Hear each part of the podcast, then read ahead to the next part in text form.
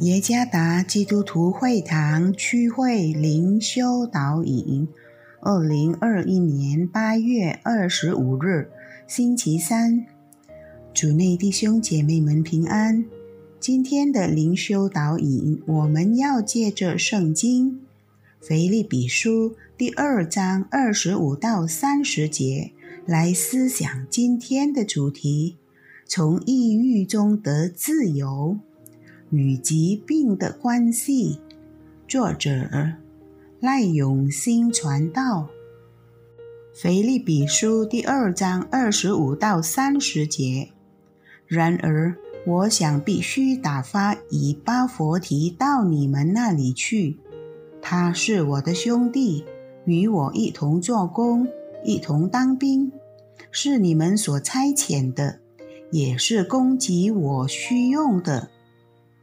他很想念你们众人，并且极其难过，因为你们听见他病了。他实在是病了，几乎要死。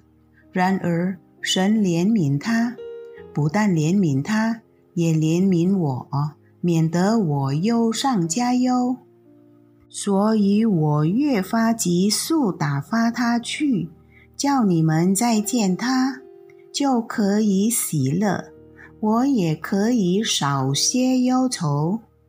故此，你们要在主里欢欢乐乐地接待他，而且要尊重这样的人，因他为做基督的功夫，几乎至死，不顾性命，要补足你们攻击我的不及之处。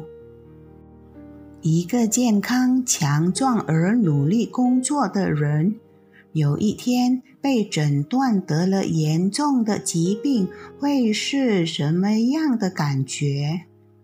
可能他会感到非常悲伤、沮丧，甚至抑郁。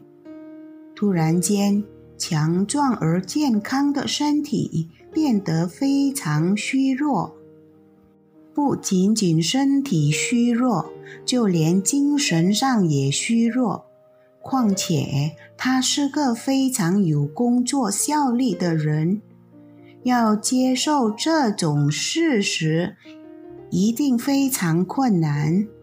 然而，从多方不断的给予力量和支持，慢慢的，他可以接受了。他开始打起精神，又在精神奕奕地度过每一天。虽然他不能再像以前那样工作，但他可以用新的精神影响周围的人。以巴佛提是被保罗派往腓利比教会的同工和战友，但他病倒了。以巴佛提生病的消息传到腓利比会友的耳中，这时以巴佛提感到伤心。他生的病似乎阻碍了他的侍奉，使他感到精神压抑。他为做基督的工作大发热心，以至于他在侍奉中几乎致死。不顾性命，第三十节。然而，在身体上他生病了。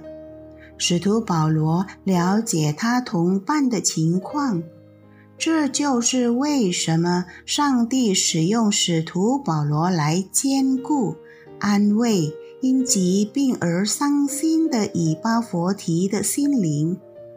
上帝。以仍然把他派到腓利比教会当中的方式，将他从伤心里释放出来。上帝爱以巴佛提，知道他为上帝的工作而定了心。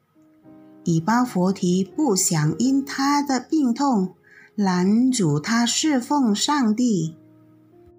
当我们患上严重疾病时，我们也会变得非常悲伤、沮丧，甚至抑郁。更何况我们是积极努力侍奉上帝的人。疾病似乎削弱了并拦阻了我们的工作，我们变得如此无助。还加上，也许其他人认为我们因患有疾病而不再被重视，这些都会让我们更加沮丧，身心疲惫软弱。但是，若仰望爱我们的上帝，我们就会重新得力，疾病不再是。削弱我们的精神来度日的理由，反而透过所患的疾病，我们能荣耀上帝。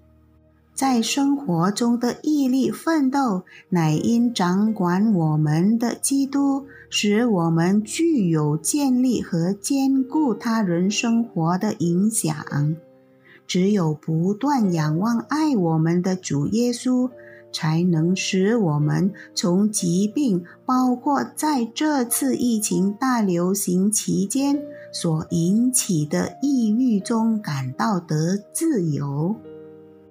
只因爱我们的主耶稣托住我们，才能让我们坚强地承受最严重的疾病。